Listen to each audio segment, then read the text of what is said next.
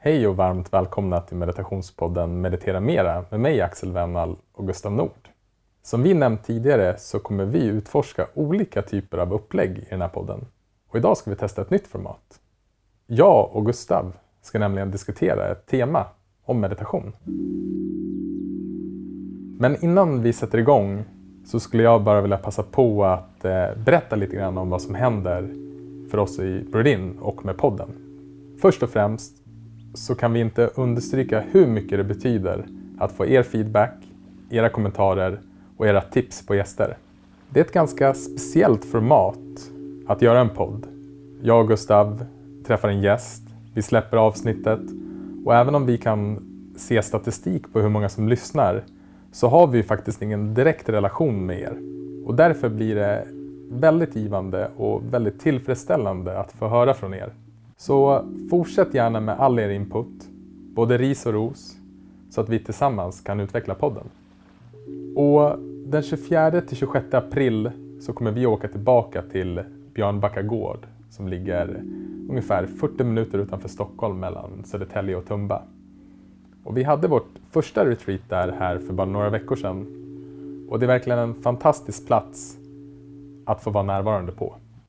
Under den här helgen så kommer vi utforska närvaro, självklart med hjälp av meditation, men även med hjälp av Vinterskogens naturreservat som verkligen är något extra. Här kommer vi oss ut på vandringar och även skogsbada. Så om du känner att du behöver lite mer närvaro i ditt liv så kan du kolla in det här retreatet på vår hemsida, breedin.se.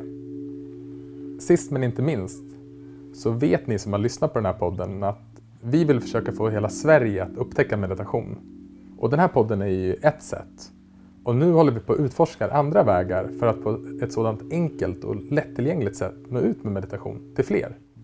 Därför har vi skapat en undersökning där vi behöver hjälp av dig som mediterar. Så om du skulle vilja delta i den här undersökningen så kan du gå in på vår Facebook, Breathe In. Där kommer vi länka till undersökningen. Och vi kommer också länka den här undersökningen i avsnittet. Så om du har fem minuter över och vill dela med dig av dina meditationsvanor så tar vi så tacksamt emot det. Okej, men nu är det dags för dagens avsnitt. Gustav, hur är läget? Det är bra tack. Jag är lite förkyld. Peppar peppar att det inte är... Ja. Men jag sitter här på golvet hemma hos mig och du sitter i soffan. Men vi har det trevligt. Det ska bli fint att få utforska det här formatet tillsammans. Innan vi gör det, där jag ska försöka släppa kontrollen, vilket jag är svårt över och har väldigt svårt för att släppa över kontrollen till dig här idag, så tänkte jag ändå att jag ska hålla kvar den ett litet, litet tag till genom att guida en landningsmeditation. Perfekt. Och syftet med den här landningsmeditationen är bara att bli medveten om det som är som det är. Så vi är inte ute efter att något speciellt ska hända. Vi är inte på väg någonstans. Vi ska inte uppfylla någonting. Utan bara nyfiket notera det som är. För när vi är medvetna så är vi också närvarande. Och oavsett vart du befinner dig eller vad du gör så rikta din uppmärksamhet mot ljuden. Bara nyfiket lyssna.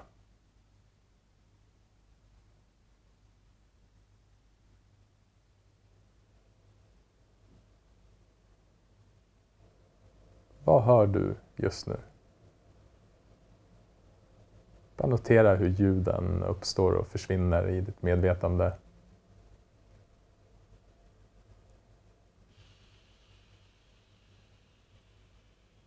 Om du märker att din uppmärksamhet försvinner under det här avsnittet, att sinnet vandrar iväg så, så som det ofta gör, så bara notera vilken attityd du har när du vänder tillbaka uppmärksamheten. Kan du göra det utan att klandra dig själv, utan att addera en tanke. Att bara helt enkelt börja om. Du är närvarande igen.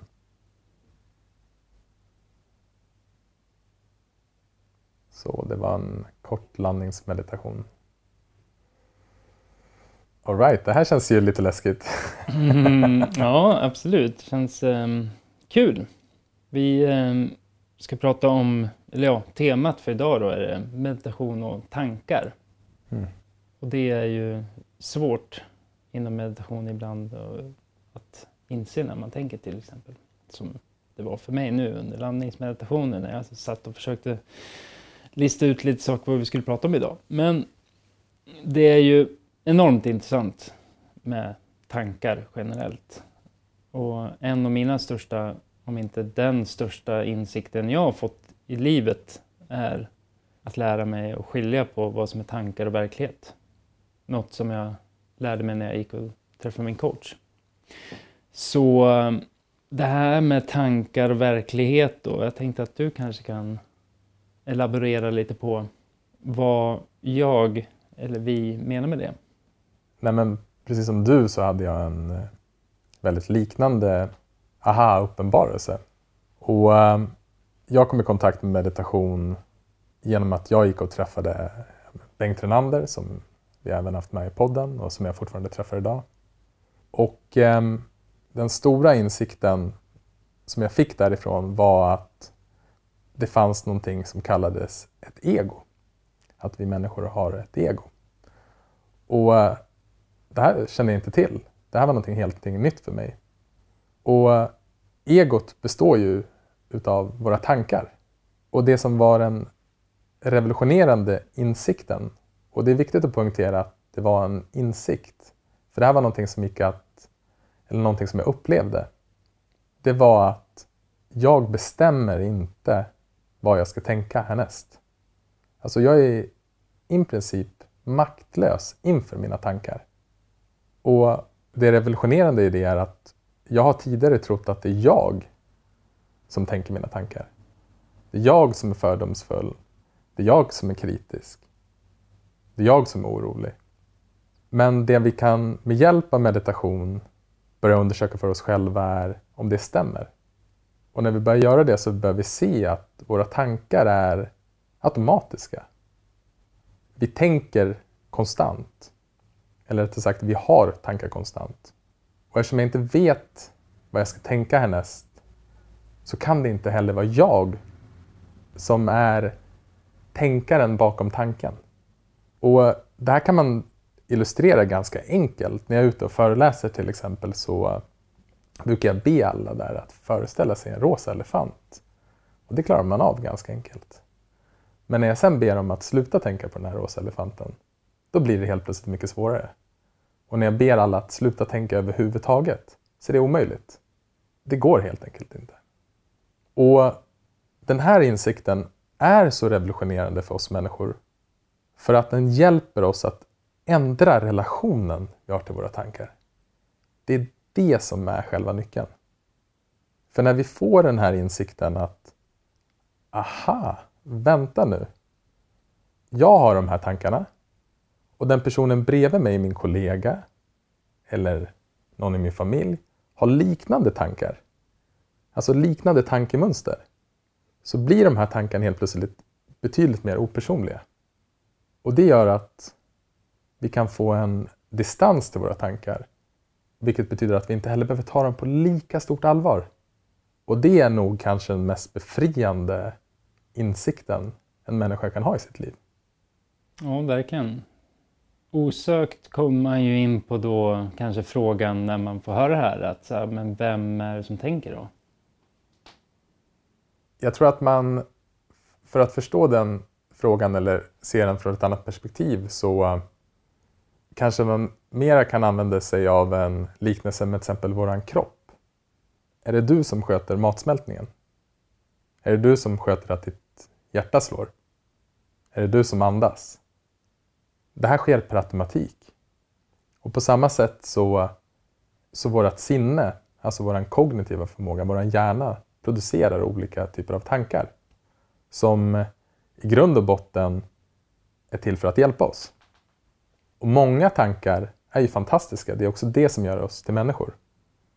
Men det vi kan börja göra med hjälp av meditation är att först och främst inse att men vänta, det finns en del i mig som kan se tanken. Det finns, alltså, det finns en del av mig som är medveten om att jag tänker just nu.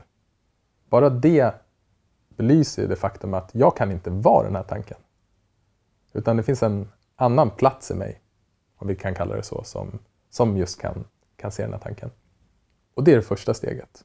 Det andra steget är att sen kan vi börja under, undersöka den här tanken. Fyller den här tanken någon funktion just nu? Hjälper den mig i mitt liv här och nu? Eller kan jag låta den här tanken vara?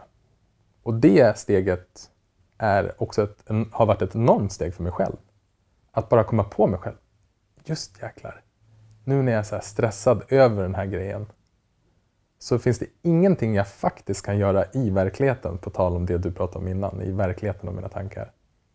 Så jag kan se att den här tanken försöker bara hjälpa till. Men det är ett verktyg som är, liksom, den, kommer med en hammare, men jag ska, inte, jag ska inte bygga ett hus just nu.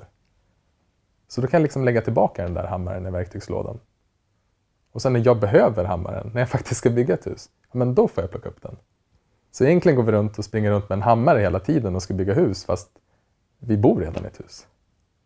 Finns det någon idé att försöka dela upp då vad de olika delarna är en själv eller om det inte är jag som tänker fast det är jag som är medveten om att jag tänker. Delar vi upp jaget på något sätt? Djup. Ja, det, ja, men det här är en djup fråga. Så det här med vem jag är är ju en, en, liksom en av de eh, liksom stora frågorna inom religion och kontemplation. Och eh, det som kan vara intressant att undersöka med den frågan är ju att ställa sig frågan, vad är jag inte? Och allting som jag faktiskt kan vara medveten om och allting som jag kan uppleva kan ju inte vara essensen av den jag är. Så om jag kan vara medveten om mina tankar och mina tankar uppstår och försvinner de är obeständiga och mina känslor uppstår och försvinner. Och mina fysiska sensationer uppstår och försvinner. Så härleder ju det till att det finns någonting bortom det. Eller någonting som är medveten om det. Jag ska vara helt ärlig och säga att när det kommer till den frågan, vem är jag? Så är, är liksom, det jag har upplevt för mig själv är att jag är inte mina tankar, jag är inte mina känslor, jag är inte mina fysiska sensationer. Men om jag är medvetenheten om det, det vet jag inte. Alltså jag, jag kan, jag kan liksom inte svara på det och någonstans har jag insett att det kanske mest kraftfulla svaret inom liksom spiritualitet, meditation och andlighet är jag vet inte. Det är ett läskigt svar att, att ha för att man blottar sig själv och, och liksom visa på sin, eh, någon typ av sin sårbarhet och jag som har växt upp som en besserwissare kan fråga min familj och mina vänner och min fru. Liksom, jag vill ha kontroll, jag vill veta. Men ett svar är att jag vet inte. Samtidigt som jag är helt på det klara med att jag är här med dig just nu. Min upplevelse ljuger inte. Det är något som är här med mig just nu i alla fall.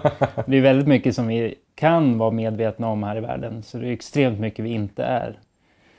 Men vi kan ta det ett eh, annat tematiskt avsnitt kanske. Jag tänkte på här igår när jag skulle sova så på kvällarna och på morgnarna så försöker jag liksom gå ner i kroppen och känna efter hur det känns och bara vara i kroppen. Men väldigt snabbt så glider man iväg och fem minuter senare så bara, men nu ligger jag och bygger det där huset med den där hammaren som jag inte behöver göra idag just nu i verkligheten klockan 12 på kvällen. Och det där händer ju väldigt ofta att vi är vilsna i våra tankar. Jag vet att du brukar prata om en, en studie från Harvard, är det va? Mm. Om att vi är frånvarande 47 procent av, av tiden, även om det mest troligt är en underdrift. Och jag kan tänka mig att många som lyssnar kan känna igen sig i att om man till exempel kör någonstans med bil och man går ganska snabbt i att man kör på autopilot och när man kommer fram och ska redogöra för sin resa, om det nu är någon som frågar, så kanske man inser att så här, oj, ja, vem, vem var det som körde egentligen? Och det är ju det som är grejen, att även fast vi tänker och vi är vilse i våra tankar så fungerar vi ju. Och vi gör saker även fast vi inte är medvetna. Det kan ju låta lite mm, motsägelsefullt att vi kan ta oss fram i livet minst hälften av tiden även fast vi inte är medvetna om det. Så jag tänkte, vad är det som gör att vi kan fungera även fast vi inte är medvetna om det? Men först och främst, den, den studien som du refererar till heter A Wandering Mind is an, an Happier Mind. Och den titeln belyser någonting väldigt viktigt. Först och främst så gjordes den här studien 2010 och jag vet i alla fall att mitt beteende, i synnerhet med min telefon, var lite annorlunda för tio år sedan än vad det är idag. Och den kan också vara ganska missvisande den här studien för de som har mediterat betydligt mer än vad jag har gjort säger ju alla att så här, med 47 procent, det finns inte en chans att vi är närvarande hälften av vår vakna tid. Och är då liksom lite oroliga för att man ska ta den här studien som ett, ett tecken på att så här, nej, men det här är inte så allvarligt. Men oavsett det, så liksom, för mig så ger den ändå någon typ av energi för att sambandet i den här studien visar ju också mellan sambandet mellan närvaro och lycka. Och, och det tycker jag kanske att det är den kopplingen som, som är ännu viktigare att, att förstå. Och jag tror att om vi alla tänker tillbaka på ens livs bästa stunder så har de ju faktiskt en sak gemensamt. Och det är att man var, var helt närvarande där och då, utan tankar på framtiden och det förflutna. Man behöver inte ens tänka på sina livs bästa stunder. Man kan tänka på den härliga stunden som har redan varit idag. Stunder som ger mening, lycka, kärlek. Det de, alla de har gemensamt är närvaro. Men för att svara på din fråga så är ju vår kropp är alltid här. Vår kropp är alltid närvarande. Det är därför också är ett så fantastiskt, liksom ett fantastiskt verktyg när vi mediterar. Att känna kroppen eller känna fysiska sensationer när vi andas tar oss till nuet. Men vi kan ha vår uppmärksamhet i våra tankar. Även när vi gör ganska enkla saker. Som att köra bil eller vara ute och gå eller när vi går och lägger oss. Och det finns faktiskt en neurologisk förklaring till varför det här sker. Och det är väldigt fascinerande men när vi vilar, som till exempel det som händer när du går och lägger dig, är att hjärnan förbrukar lika mycket energi som när du sitter uppe på dagen och försöker lösa ett svår, en svår uppgift på jobbet. Och det är för att det här nätverket som vi har pratat om tidigare i podden, The Default Mode Network, eller på svenska, alltså hjärnans standardläge, aktiveras. Och det som den tenderar att göra då är ju att den skapar tankar som utgår från jag, min, mitt. Jag tror vi alla känner igen den här upplevelsen att universum kretsar kring mig själv. Men den tar oss också ut på tidsresor. Alltså vad hände i det förflutna och vad kommer hända i framtiden? Och den tycks söka efter problem. Alltså vi, hela tiden, vad kan vi utveckla, vad kan vi förbättra? Vad kan vi bygga? vad kan vi bygga? Och det här verkar då vara egentligen en, en neurologisk förklaring till egot. Och det jag tycker är, det som har varit viktigt för mig är att förstå att så här, men, det här är en funktion som syftar till att hjälpa oss. Att överleva och reproducera oss. Men i dagens samhälle så blir det här nätverket oftast överaktivt. De här tankarna står liksom de fyller inte sitt syfte. Och det är just den här typen av övning som meditation är, att bara kunna utforska, se efter för sig själv. Okej, okay, men vilka tankar är faktiskt, vilka tankar behöver jag? Vilka tankar hjälper mig? Och i min egen liksom, meditationspraktik så har jag, har jag sett att det som lätt händer, för mig, lätt händer för mig själv är att jag gör de här tankarna till någonting negativt. Och att jag har någon typ av omedvetet mål om att så här, ja, men bara de här tankarna slutar komma, bara de här negativa tankarna kommer. Men det är liksom ett... Det är inte vad själva meditationen går ut på, utan meditationen går ut bara på att bli medveten om att jag faktiskt tänker. För i samma ögonblick som vi är medvetna om att vi tänker, så har vi också fått den här lilla distansen till tanken. Vi är inte längre fast i den, utan då får vi ett val. Och valet är om vi vill vara kvar i tanken eller om vi vill återgå till det vi faktiskt håller på med. Så medvetenheten är liksom hela nyckeln till det. Och att även om tankarna kan värdera och kritisera så är det lätt hänt att man lägger på ytterligare ett lager, att man börjar kritisera eller värdera sina tankar. Så man tänker om sina tankar. Och ehm, det kan bara vara väldigt nyttigt när man mediterar att bara undersöka om det händer. För i samma sekund som vi blir medvetna om det som händer som det händer, där i kan vi också bryta den kedjan. Där har vi möjlighet att inte värdera det, utan bara okej, okay, det här är det som händer just nu.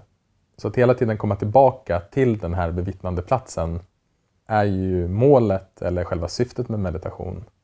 Och ju mer och mer man klarar av att göra det, desto friare blir man i livet. Tänk inte för mycket på dina tankar. Vill man höra mer om eh, standardnätverket så kan man lyssna på vårt avsnitt med Camilla Sköld. Ja. I viss meditationspraktik så eh, kan man bli uppmanad att försöka, när man får tan en tanke, att se den och sen försöka identifiera vart den kommer ifrån och vart den tar vägen när den försvinner, som någon alltid gör. Vet du vart tanken kommer ifrån och vart tar den vägen för dig? Nej, men det är väl det som är mysteriet med tankar. Vad är en tanke? Och, och det är väl det som är så intressant med meditationen, att man kan börja undersöka att det är ett mentalt fenomen. Det är liksom det är som luft. Var kom den ifrån? Var tog den vägen? Men precis som du belyser så den uppstår, en tanke uppstår och den försvinner och den tycks ju försvinna varje gång jag uppmärksammar den. Så när man sitter och mediterar och man kanske fokuserar på sin kropp och sen kommer en tanke upp och så noterar man den, sen puff, så försvann den. Och jag tycker att det, det är väl liksom en bra påminnelse att tankar kan kännas så himla verkliga och de gör oftast det när vi inte är medvetna om att vi tänker. Men så fort när vi ser dem för vad de är så tappar de all sin kraft. Eller i själva verket så är det att tankarna får den kraften som vi ger dem. Så det är inte tanken i sig själv som är så kraftfull utan det är vilken relation vi har till tanken. Lite som rädslor.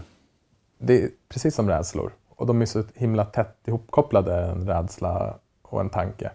En orolig tanke skapar en känsla. Det var någon serie jag såg nyss också, de kallar egentligen att eh, spöken inte är spöken, utan det kan vara tankar till exempel. Men hur förhåller du dig till dina tankar idag då? Jag går vilse i mina tankar hela tiden och jag, och jag tycker att engelskan har ju ett mycket, mycket mer träffande uttryck på om vi ser på svenska att vi är frånvarande till exempel eller vi är distraherade så säger man på engelska lost in thought. Och det är precis det som händer. Så uh, jag blir distraherad hela tiden. Men jag kommer på mig själv oftare och snabbare. Och en annan sån här typ av insikt som kommer från av att kanske vara på en andlig resa eller som är en resa mot att vara mer närvarande är att insikterna kan liksom bli djupare och djupare. Att, man, att det, jag kan få en känsla av, ah, okej, okay, det var här den här personen menade med, med att liksom tankar inte är fakta eller liknande. Och att en av de insikterna som har kommit till mig mer och mer är att jag känner igen mig jättemycket i, i det här att liksom kunna drifta iväg på eh, dagdrömmeri, vilket det, liksom, det är väldigt harmlöst. Eller att liksom försvinna med liksom ett tanketåg. Men det jag börjat gjort mer och mer på slutet det är att börja undersöka okej, okay, men vad, vad har den för relevans den här tanken? Alltså vad fyller den för funktion? Och ju mer och mer börjar inse att den, den fyller ingen funktion alls. Alltså att eh, den hjälper mig egentligen ingenting. Den presenterar sig som att den är väldigt viktig. Och att jag behöver ge den uppmärksamhet. Men när jag faktiskt reflekterar över den tanken så inser jag allt som oftast att det behöver jag verkligen inte. Den fyllde ingen som helst funktion. Och eh, jag hade en intressant diskussion med min pappa här i veckan. Han berättade att han hade varit ute i, i deras stuga och varit ute och tagit en lång promenad i skogen. Och så hade han, jag tror han hade glömt sina hörlurar så att han liksom tog en promenad utan att lyssna på någonting som han brukar göra. Och då hade han bara liksom nyfiket noterat sina tankar. Och hans insikt var ganska snarlik och det var att han hade haft massa olika tankar om hur han behövde lösa olika saker. Men hans, liksom, hans slutsats var att inget av det han liksom behövde lösa eller löste i sina tankar under den här promenaden var någonting som han behövde där och då. Utan det kanske var två månader framåt.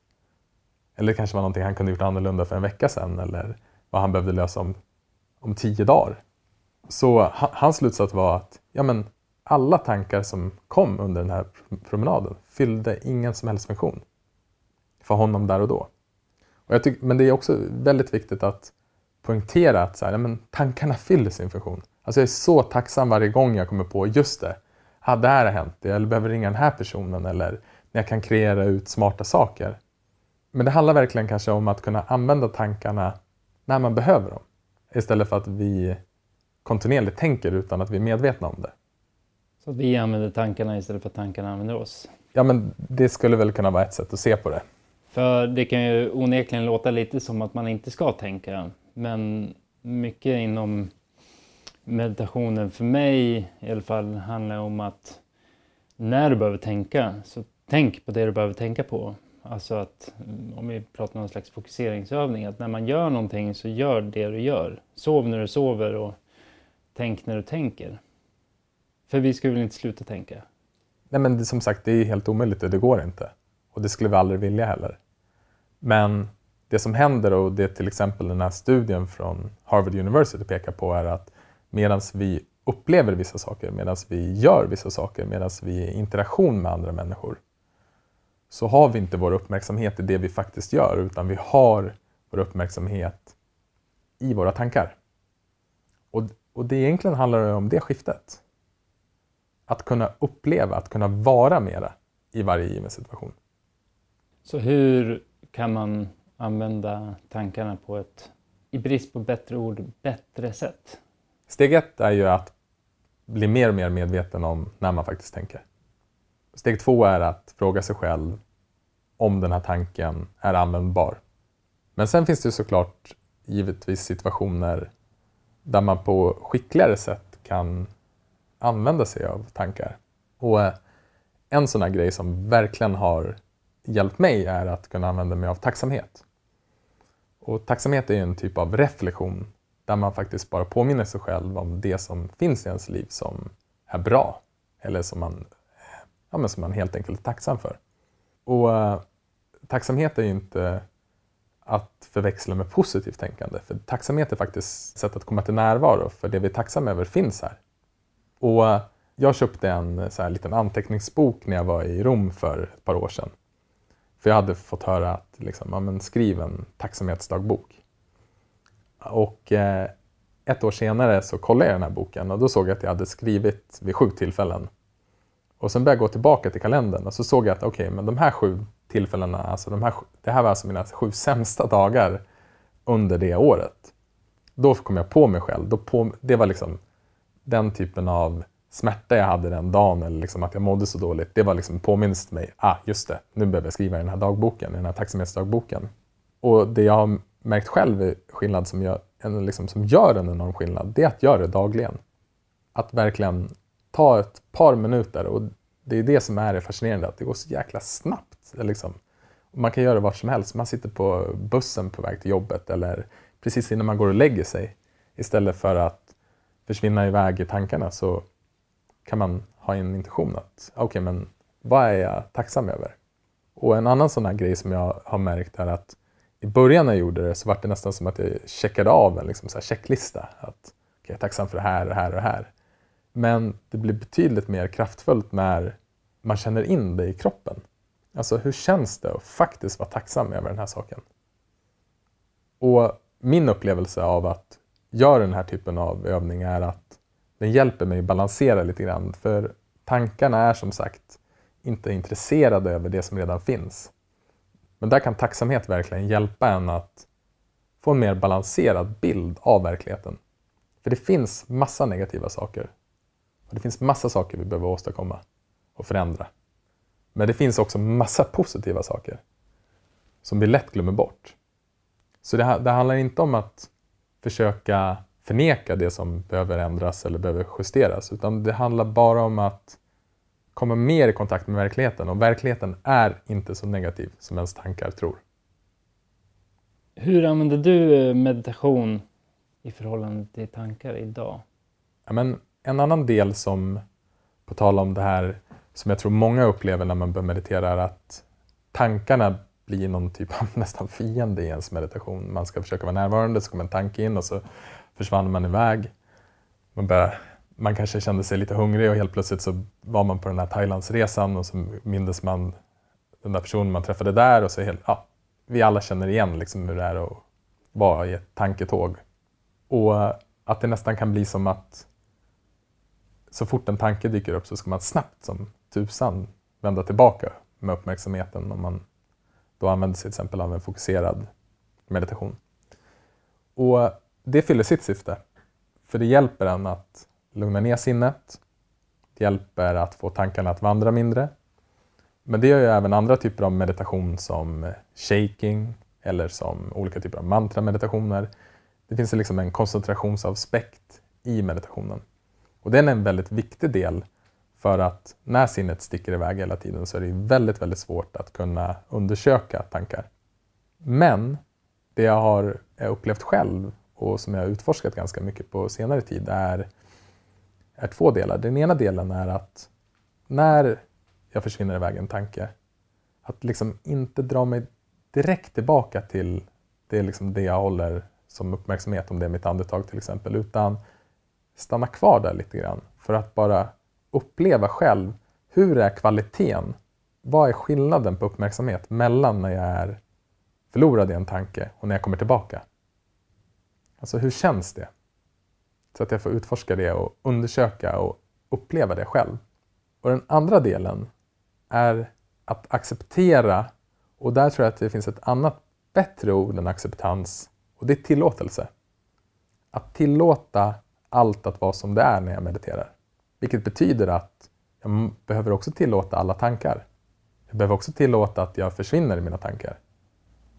Jag väljer inte när jag blir distraherad i mina tankar. Och jag väljer inte heller när jag blir närvarande igen. Utan det bara händer. Och det jag märker är att ju mer tillåtelse jag ger, desto mer slappnar jag av och desto mer närvarande blir jag. Och just det här med att tillåta alla tankar att komma och gå, samtidigt som eh, meditation handlar mycket också om att ha disciplinen, att inte följa med en tanke. Jag tror vi alla som har mediterat känner igen den här upplevelsen av att man sätter sig ner och så bara helt plötsligt bara får man den här briljanta idén. Just det, var det där jag skulle göra. Ja, det är den här boken jag ska skriva. Och kanske är det så att ibland så behöver man liksom avbryta meditationen om det var så pass viktigt. Men det vi verkligen kan utforska i meditation och det som kanske är disciplinen i den typen i alla fall meditation som jag gör och lär ut är att det finns ingen tanke som är värd att följa. Och varför? Jo, för att det är en tanke. Det är inte verkligheten. Och det är när, när vi mediterar försöker vi komma i kontakt med verkligheten. Och vad är verkligheten? Jo, det är det som händer här och nu. Och ett så här supereffektivt sätt för att belysa att den här tanken har faktiskt betydelse eller någon typ av relevans, det är att man kan göra en notering för sig själv. Inte nu. Om den här tanken var så viktig så kommer den komma tillbaka. Att man vågar ha den tilliten. Det är ju vågat. Jag brukar inte avbryta någonting sånt. Jag har väl inte haft tillräckligt värdefulla tankar än. Men just att man... Eh, jag kan ju verkligen känna att, att jag blir mer eh, kreativ när jag mediterar. Det kommer liksom åtminstone enligt min uppfattning lite intressantare tankar ibland när man mediterar. Men jag drar nog en ganska stor koppling mellan avslappning också. Eh, det är svårt att klämma fram tankar när man inom citattecken måste tänka. Men du pratade om att um, lägga fokus på hur det, känslan är när man går från att vara icke närvarande till att vara närvarande. Hur Har du kommit fram till något? För hur känns det? Nej, men jag tror ordet ligger just i, i närvaro. Att känslan är när man är då vilse en tanke som jag tycker det är liksom lost in thought. Att jag, är inte riktigt, jag är inte riktigt här. Du gav exemplet när man kör bil. Och så helt plötsligt kommer man fram. Bara, Hur kom jag hit? Alltså det finns någon essens av en som liksom inte är här. Och vad händer då? Jo, det är att man missar sitt liv. Och eh, min insikt ju mer jag mediterar är bara att jag vill försöka, jag vill försöka uppleva så mycket av det här livet som jag inte styr om hur länge det kommer vara, utan jag vill försöka uppleva så mycket av det som möjligt. Så känslan är just den. Närvaro eller nästan som ett rumtillstånd. Ett vaket rumtillstånd. Och det är, det är också det mycket det handlar om, att vakna upp från det här drömtillståndet. För jag, jag skulle nog kunna säga att många gånger då jag liksom kommer tillbaka ganska plötsligt från att eh, ha varit frånvarande så känns det som att just vakna upp. Man blir ganska lite så här som man kan bli efter en... Eh, man vaknar hastigt från att man har sovit. Att man blir så här... Fast i min, en mindre version. Finns det några misstag eller funderingar som du upplevt eller liksom hört som du skulle kunna tipsa om gällande tankar och meditation? Jo, men jag skulle säga att ett ganska vanligt misstag, eller kanske en missuppfattning, ett bättre ord, är att en lyckad meditation är en meditation när det blir väldigt stilla, när man känner sig väldigt lugn och avslappnad och fokuserad. Och att en misslyckad meditation är när sinnet vandrar hela tiden och man liksom, det känns som att man har varit i en torktumlare. Men precis som livet så är alla våra meditationer upp och ner. Liksom. Det är olika upplevelser. Så det handlar inte så mycket om vad vi upplever, utan hur vi förhåller oss till det vi upplever.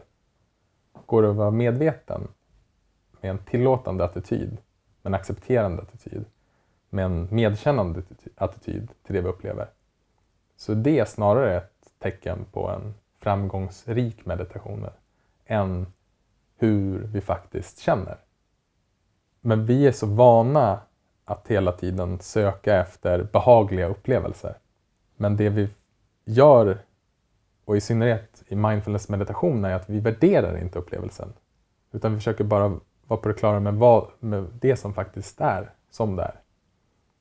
Problemet är inte att vi tänker, utan det som kan bli ibland ett problem är vilken attityd vi har till våra tankar. Jag kom över liksom en, en text här för inte så länge sedan i en bok som heter Mindfulness som är skriven av Joseph Goldstein. Och när jag läste den så var det, det var så, trots att jag jobbar med meditation, trots att jag mediterar över en timme per dag, så var det liksom, den här påminnelsen kom så himla väl för mig. Så jag tänkte att jag kanske kan läsa upp den, för jag tror att den kan komma till väl för, för många andra också. Och den är på engelska, men, men i alla fall, eh, det här är då en burmanesisk meditationsmästare som heter Sayadev U Teania. Och han har då några visa ord. When the mind is thinking or wondering, just be aware of it. Thinking is the natural activity of the mind, and you're doing well if you're aware that the mind is thinking. But if you feel disturbed by thoughts, or have any reaction or judgment about them, there is a problem with your attitude. The wandering mind is not the problem. Your attitude that they should not be around is the problem. So understand that you have just become aware of some functions of the mind. These two are objects for your attention. Thinking is mental activity.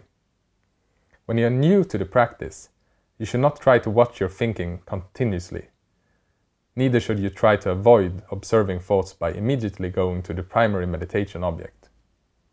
When you realize that you are thinking, Always pay attention to thought first, and then remind yourself that a thought is just a thought. Do not think of it as my thought. Now you can return to your primary meditation object. When you feel disturbed by the thinking mind, remind yourself that you're not practicing to prevent thinking, but rather to recognize and acknowledge thinking whenever it arises. If you're not aware, you cannot know that you're thinking. The fact that you recognize that you are thinking means that you're aware. Remember that it does not matter how many times the mind thinks, wanders off, or gets annoyed about something, as long as you become aware of it. Så återigen tillbaka bara till att tankarna i sig självt är inte problemet, utan det är vad vi har för relation till dem. Och ofta så har vi ingen relation alls, för vi är inte medvetna om vad vi tänker. Precis som den här texten belyser så är uppgiften att bara lära sig mer och mer. Att se att ja, det som händer just nu är att det är en tanke närvarande. Och i den medvetenheten, i den insikten, så finns all frihet. Att göra vad vi själv vill och inte alltid vad tanken säger åt oss att göra. På tal om att vara fri så mm, för några veckor sedan så var vi ju i ett land och testade ayahuasca på en plats där det är lagligt. Där var det ju en tjej som hade en upplevelse med en myra. Kommer du ihåg? Det som var väldigt fint var att dagen efter man hade tagit det här så satt man i, i grupp och delade med sig av sina upplevelser. Och då var det en tjej som delade med sig av att i hennes upplevelse så hade hon som en myra som satt på hennes axel. Och den här myran hade som en mikrofon. Och eh, jag tror vi alla känner igen den här myran som vår inre kritiker. Som berättar om allting som vi har gjort fel eller som vi borde gjort annorlunda eller som vi kunde gjort bättre. Och det hon hade i sin upplevelse under den här natten som hon tog ayahuasca var att den här myran kunde hon aldrig ta bort. Men hon kunde ta bort mikrofonen. Alltså tankarna finns alltid där. Men väljer jag att lyssna på dem eller inte? Och när hon berättade det här, det var så himla starkt. För det, var så, det var så stark metafor till det, det som går att uppleva. Och jag själv hade en annan upplevelse. Det var att jag fick upp en tanke som var, alltså det här är då under, under natten då vi har tagit ayahuascan. Och så får jag upp en tanke som säger så här, vad är sant? Och det som händer då är att det är som att jag ser bilder. Och då är det ungefär som att de här, den här tanken på vad är sant är liksom som en luftbubbla som bara liksom flimrar bort. Och det upplevelsen säger till mig är egentligen att så här, hur ska en tanke kunna vara sann? Tanken i sig själv är osann. Tanken kan inte vara verklighet. Och vad den pekade på var just till, vad är din upplevelse? Det var många frågor som upplöstes. Frågan i sig behövs inte. Frågan i sig är en tanke, mm. upplevde jag. Ah, förlåt, jag menar såklart, det var en megafon den här eh, myran hade, inte en mikrofon. Och nästa dag hade den en trampolin. ja, det är coolt. På vilka sätt har du märkt i ditt liv att den här insikten om att du inte är dina tankar, har, på vilka sätt har den haft störst effekt? Jag tror att det går att koppla ihop med att man inte är sina känslor heller. Känslor och tankar kan ju ibland smälta ihop. Till exempel att man är arg eller har ilska, eller vad man ska säga, så är ju mycket av det är ju tankar. Så där tror jag nog främst att eh, det ger en väldigt distans till att man så här, egentligen inte är arg. att man inte, att man kan eh, förkorta den processen eller få en, eh, ett perspektiv till det som gör att känslan eller tanken försvinner mycket snabbare. Det är av ett enormt värde. Sen märker jag i och för sig att jag fortfarande, även om det är mycket som inte är verklighet, även fast det känns väldigt verkligt, att, att jag värderar olika saker på olika, eh, med olika styrka. Typ att kanske finansiella problem eller tankar kring finansiella problem är viktigare än tankar kring jag tränar inte tillräckligt eller så. Är, eh, det är enklare att identifiera att, här, eh, att jag inte tränar tillräckligt, det är verkligen bara en tanke. Medan en finansiell situation kan vara lite svårare för mig själv att inse att ja, visst intellektuellt vet jag att det är bara en tanke men problemet känns fortfarande verkligare än vad det är. Mm. Och det är en en viktig del som vi inte faktiskt har pratat så mycket om är just liksom sambandet mellan tankar, våra känslor och våra fysiska sensationer. Att det är som en triangel som alla påverkar varandra. Och att, eh, att vi kan tänka kring någonting som vi är oroliga för ska hända, som skapar en känsla, som skapar en fysisk sensation. Som i sin tur faktiskt kan göra oss sjuka genom att kroppen blir stressad och vi får inte chans till att återhämta oss. Så att, att kunna lära sig att se skillnaden på vad som faktiskt händer och om man säger vad, liksom, vad som händer i verkligheten, ja men det som vi kan uppleva. Det som vi kan uppleva med våra sinnen. Kontra då vad vi tänker om varje given situation.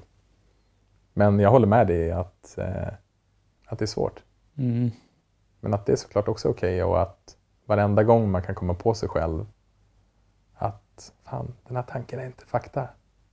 Så uh, behöver man ibland inte göra en, man behöver faktiskt inte förändra situationen utan det räcker bara att inse att ens tanke om situationen är ganska bristfällig. Det kan vara ett, ibland ett lika stort steg som att konkret göra någonting. Också inse att alla våra tankar leder till handlingar. Och också fråga ifrån var kommer den här tanken? Den här tanken kommer från en plats i mig som är rädd, som är orolig, som är stressad? Eller kommer från en plats i mig som vill väl, som är kärleksfull? Så det finns ju också vissa tankar som liksom kommer från en bättre plats i oss, som är mer skickliga om vi vill säga det så. Jag vill försöka inte använda, jag tycker faktiskt buddhisterna har ett bättre uttryck istället för bra och dåligt, rätt och fel, skickligt och oskickligt. Och det som är skickligt är det som skapar välmående för, för dig själv och för andra. Och det som är oskickligt är det som skapar, ja men, som gör att man mår dåligt helt enkelt. Så att, att också kunna reflektera över, okay, men vad, vad är det här för typ av tanke? Det kan, vara en, liksom, kan verkligen förändra hur man agerar i livet.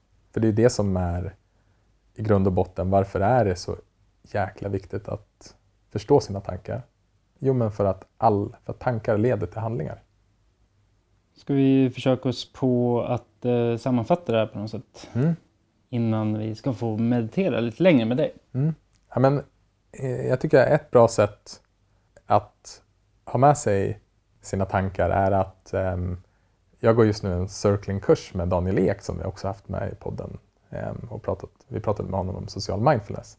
Och i circling så delar man nuet. Man utforskar nuet tillsammans. Man gör det två, två eller i flera i grupp. Och ett väldigt effektivt verktyg som vi använder oss av där, det är att när vi tror att någon upplever någonting på ett visst sätt, till exempel om du och jag skulle cirkla nu och jag ser dig och så tycker jag mig att så här, men du verkar ju du verkar ju vara ledsen eller någonting där. Det vi gör på cirklingen är att då använder man uttrycket jag inbillar mig. Och just det ordet inbillar är så himla, det är ett så himla bra ord. För vi går runt och inbillar oss hela tiden vad andra tänker och känner eller tycker. Så det kan vara ganska bara intressant att ha med sig. Istället för att säga vad en annan känner eller vad en annan tycker eller vad vi tror oss veta om varandra så kan man, bara, kan man faktiskt bara, du jag inbillar mig att du eh, är frustrerad eller att du är irriterad. För det belyser en väldigt viktig sak att vi vet inte. Vi tror oss veta. Och en annan sån här, eh, kanske mer sammanfattande del är att det vi har pratat mycket om nu i, i det här avsnittet är ju att när tankarna inte fyller en funktion, för de fyller ju en funktion många, många gånger och de är fantastiska. Och så det behöver vi inte göra någonting åt. Men när tankarna inte fyller en funktion, när tankarna får oss att må dåligt, vilket tyvärr är ganska ofta, då kan det här verktyget vara världens bästa. Perfekt. Ska vi meditera på tankar eller? Jag tänkte det. Väldigt tematiskt avsnitt. Vi har ju pratat massa om tankar nu och oavsett om vårt samtal har resonerat med dig och din egen upplevelse så tänkte jag faktiskt att vi skulle gå från intellektuell förståelse till direkt upplevelse. Så hitta en plats där du kan vara närvarande och någorlunda ostörd. Och det spelar faktiskt ingen roll om du sitter, om du står eller ligger ner. Det viktiga är att du har tillräckligt mycket energi för att just vara närvarande och medveten i den här meditationen.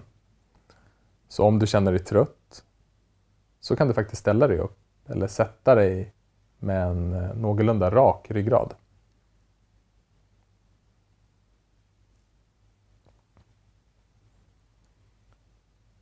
Om du känner dig bekväm så kan du sluta ögonen eller fäst blicken vid en punkt så ögonen får vila.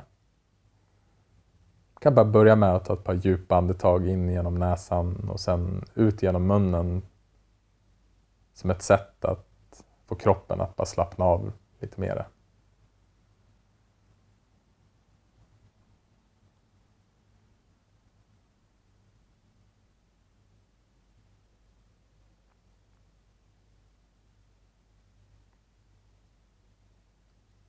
Du kan se det som att du ska lyssna på en, en låt som du aldrig har hört förut med din favoritartist.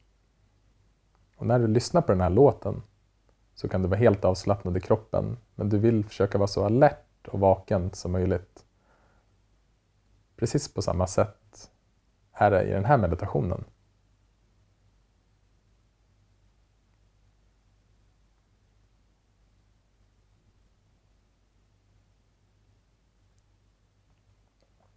Sen kan du vända din uppmärksamhet till din kropp.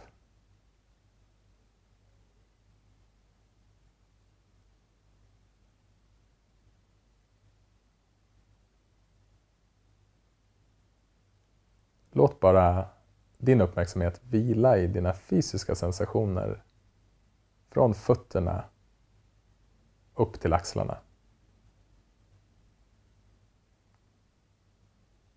Kan känna din tyngd. Bara notera din hållning.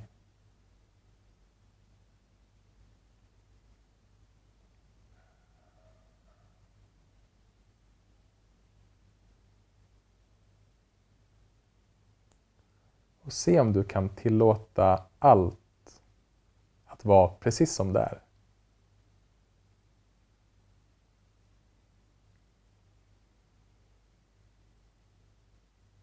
Som sinnet är oroligt och tankarna vandrar iväg. Så okej. Okay. Då är det det som händer just nu.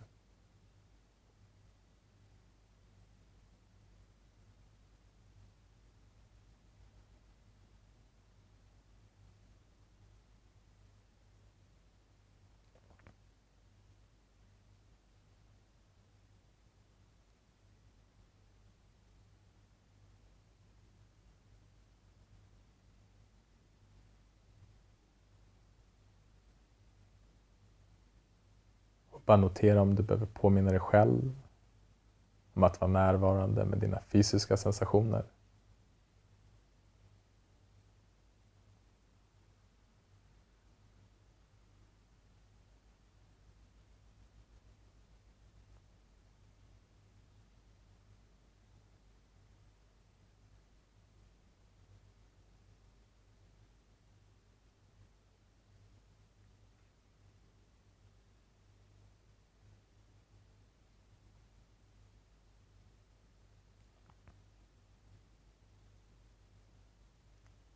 Disciplinen i den här meditationen det är att inte följa med tanken när vi märker att vi har tankar närvarande. Det här är inte tiden för att analysera, planera eller fantisera.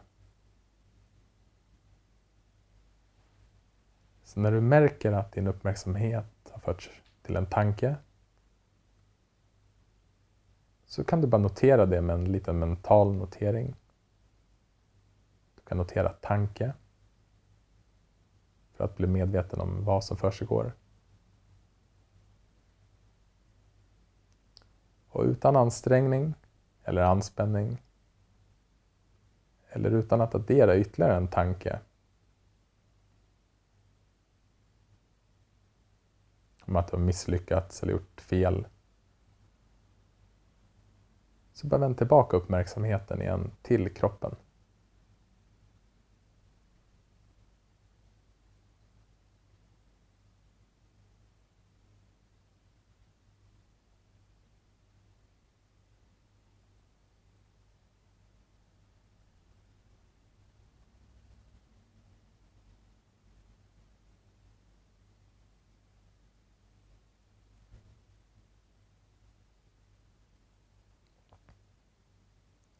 Se om du bara kan uppleva din kropp utan att värdera det du upplever. Utan att berätta en berättelse om varför du upplever det här just nu. Eller vad du ska göra åt det sen. Se om du bara kan släppa alla dina förväntningar på hur du ville att det skulle vara eller hur du trodde att det skulle vara. Och bara slappna av vid det som faktiskt är det här nu.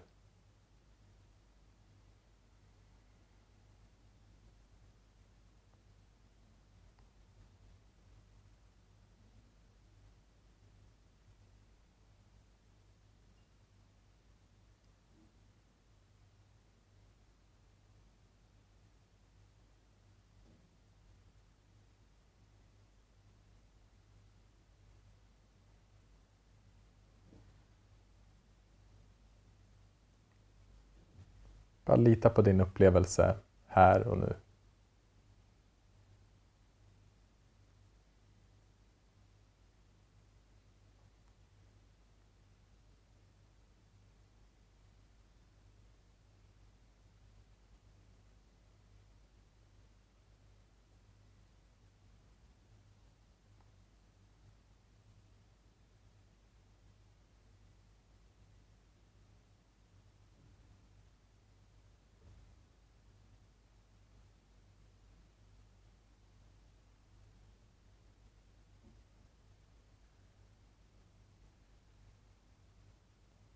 Och fortsätt att bibehålla uppmärksamheten i kroppen.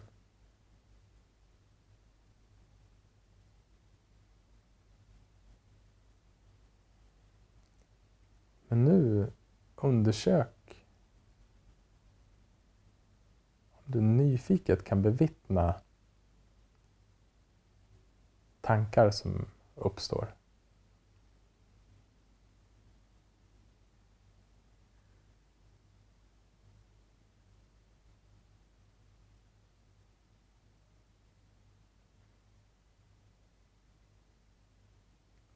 Kanske minnen, bilder, en röst,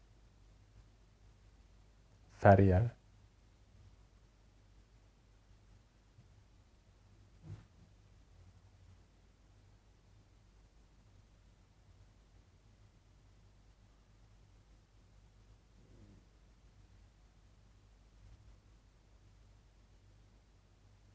Bli bara först medveten när en tanke är närvarande i ditt medvetande.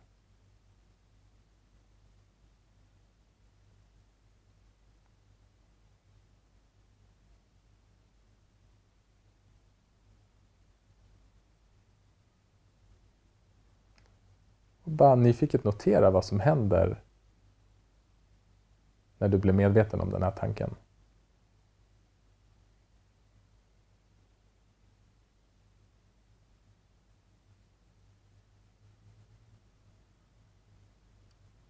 Vart kom den ifrån?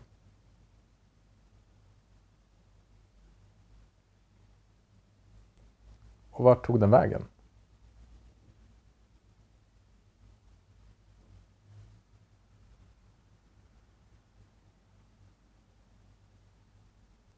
Du kan också notera om det är någon tanke som griper tag i dig lite mera.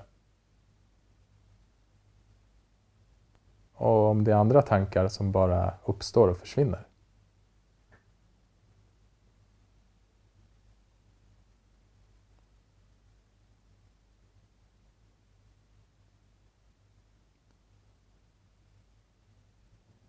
Och fortsätt att använda kroppen som ditt ankare till nuet.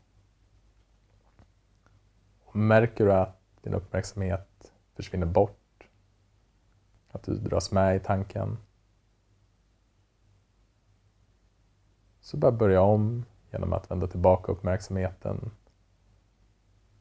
till de fysiska sensationerna. Och stanna kvar med din uppmärksamhet här ett tag. För att undersöka våra tankar behöver vi oftast ha, en, ha byggt upp en, en viss typ av koncentrationsnivå. Så oroa dig inte om det är svårt. Utan var bara närvarande med det som är. Om du känner dig frustrerad, bara kom ihåg att tillåta allt att vara precis som det är. Du kan bara notera frustration.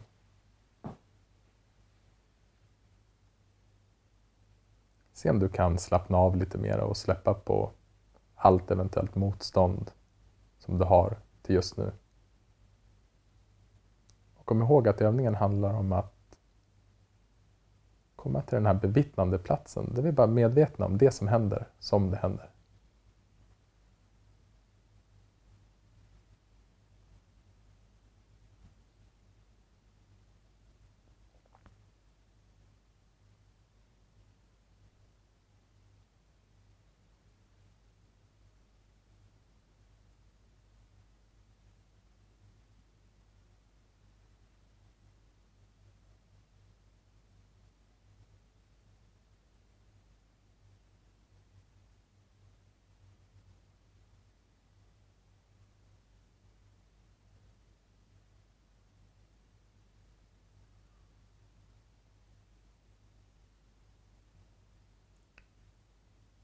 Sen kan du nyfiket igen bara notera när nästa tanke uppstår. Vad är det för typ av tanke?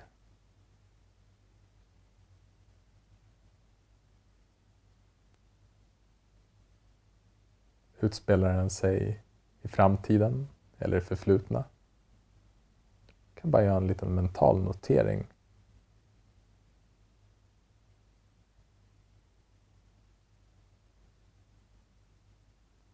Är det en jämförelse? Värdering? Någon typ av kritik? En påminnelse?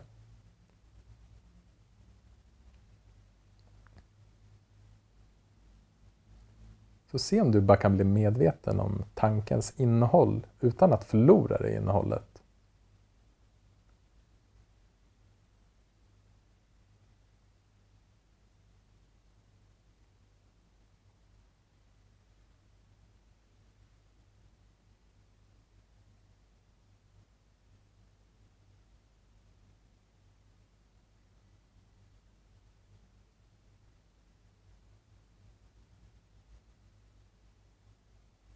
Kom ihåg att du hela tiden har kroppen som ett sätt att komma tillbaka hit till nuet.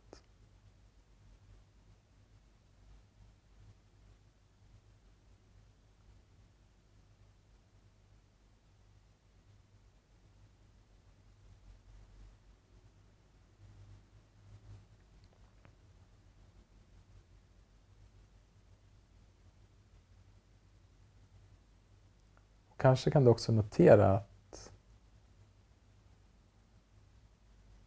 när du tänker på någonting så skapar det en känsla som i sin tur skapar en fysisk sensation i kroppen.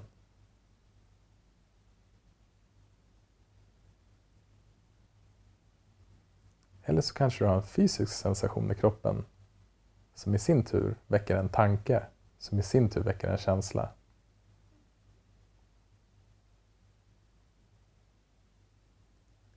Ibland kan det vara bra att påminna sig när man mediterar att det är ingen fara.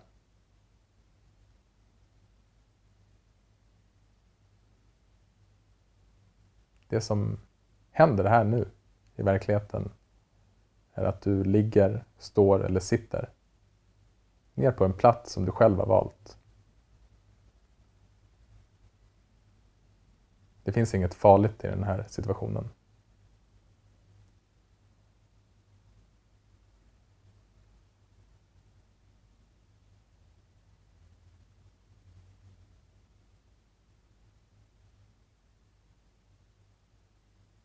Men våra tankar presenterar sig ibland som mardrömmar.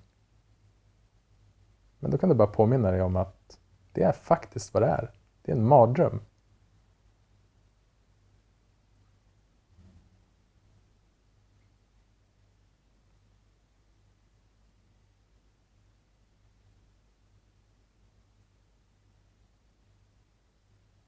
Det här sättet kan vi lära oss att se skillnaden mellan vad som faktiskt sker i verkligheten och vad som sker i våra tankar. Och innan vi avslutar den här meditationen så skulle jag bara vilja bjuda in alla oss som mediterar just nu till att reflektera över vad vi är tacksamma för just nu.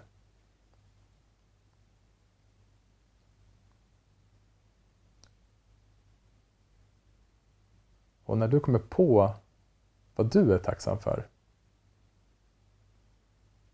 bara notera hur det känns i kroppen. Så gå till den fysiska upplevelsen av att vara tacksam. Och bara notera hur det känns. Och oftast när vi hör ordet tacksamhet så tänker vi på vår familj och vår hälsa. Och det är fantastiskt. Och det är det som kommer upp till dig nu. Så fokusera på det. Men ett skickligt sätt att använda tacksamhet på kan också vara att påminna sig om de här sakerna som vi oftast tar för givet. De här lite mindre sakerna i livet. Kanske har en kompis hört av sig till dig i veckan. Kanske kan du känna tacksamhet över den första koppen kaffe du drack idag.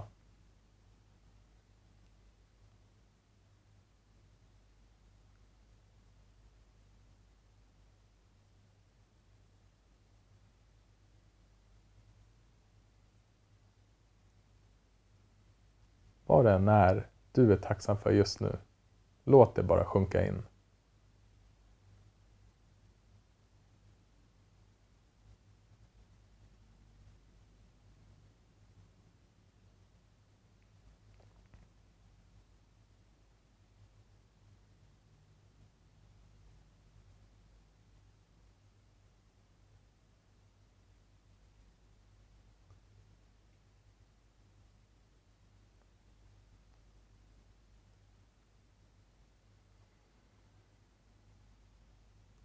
Kanske kan du skicka tacksamhet gentemot dig själv för att du har tagit den här tiden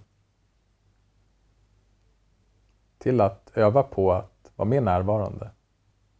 Att bli mer medveten om hur tankar fungerar.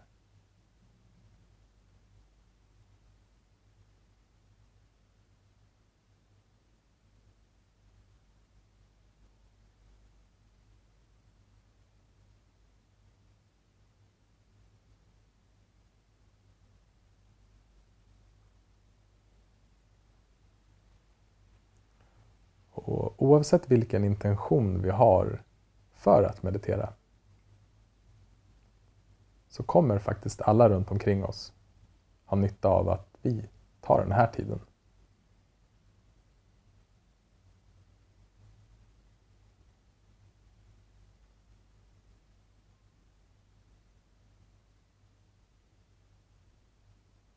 Så ett stort tack till dig för att du har mediterat här nu tillsammans. Och ett tack till dig också.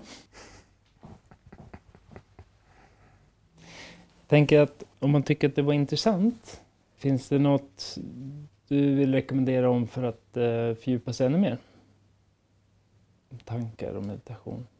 Jag tror att oavsett vilken bok man läser vilken podd man lyssnar på eller vilken typ av meditation man gör så är just det här samspelet mellan tankar och verkligheten eller mellan närvaro och att vi blir distraherade. Det går igenom i allt. Det jag kanske mer vill dela med mig av är att ibland så är sinnet oroligt. Alltså ibland så är vi, vi kanske är stressade eller att eh, det är svårt att vara fokuserad, då är det väldigt svårt att göra den här typen av meditation. Så det krävs någon typ av nivå av koncentration för att kunna börja blicka in och bli medveten om ens tankar. Så mitt råd när det kommer till den här typen av meditation är att vara snäll mot sig själv. Som alltid. Att ibland så kan man se sina tankar jättetydligt. Man kan bevittna dem jättetydligt lite så på distans. Och ibland så känns det som att det är ett flipperspel. Man är som en kula som bara hoppar och studsar fram och tillbaka. Men jag tror, om man vill utforska det här, för det, det är nog själva nyckeln, är att inte intellektuellt försöka förstå, utan att experimentera och utforska för sig själv. Den aspekten av den mänskliga existensen, att det finns någonting som är medvetet om tanken. Och det här är ju ganska intressant att jag har alltid trott att vårt människosläkte heter Homo sapiens. Alltså en tänkande apa. Men det stämmer ju inte utan det är Homo sapiens sapiens. En tänkande apa som är medveten om att hon tänker. Just den här medvetenheten. Att försöka komma till den platsen så ofta som möjligt och vara medveten om det som är. Och eh, en nyckel som jag upptäckte för mig själv för att komma dit är att verkligen tillåta allt att vara som det är. Att slappna av i den tillåtelsen. Det är ett ganska stort skifte för oss människor, för vi vill ju kontrollera. Men en insikt jag och många fler har fått är att vi kan inte kontrollera det vi upplever. Eller i alla fall i väldigt liten utsträckning. Så att försöka bara slappna av och tillåta allt att, att ske. Bra. Tack. Tack Gustav, det har varit intressant att prata om tankar och det ska bli spännande att se sen hur vilse vi har gått i våra tankar under det här avsnittet. Men för att sammanfatta det vi har pratat om så bottnar allting egentligen ner till en fråga och det är, är den här tanken värdefull? Eller mer specifikt, är den här tanken värdefull just nu?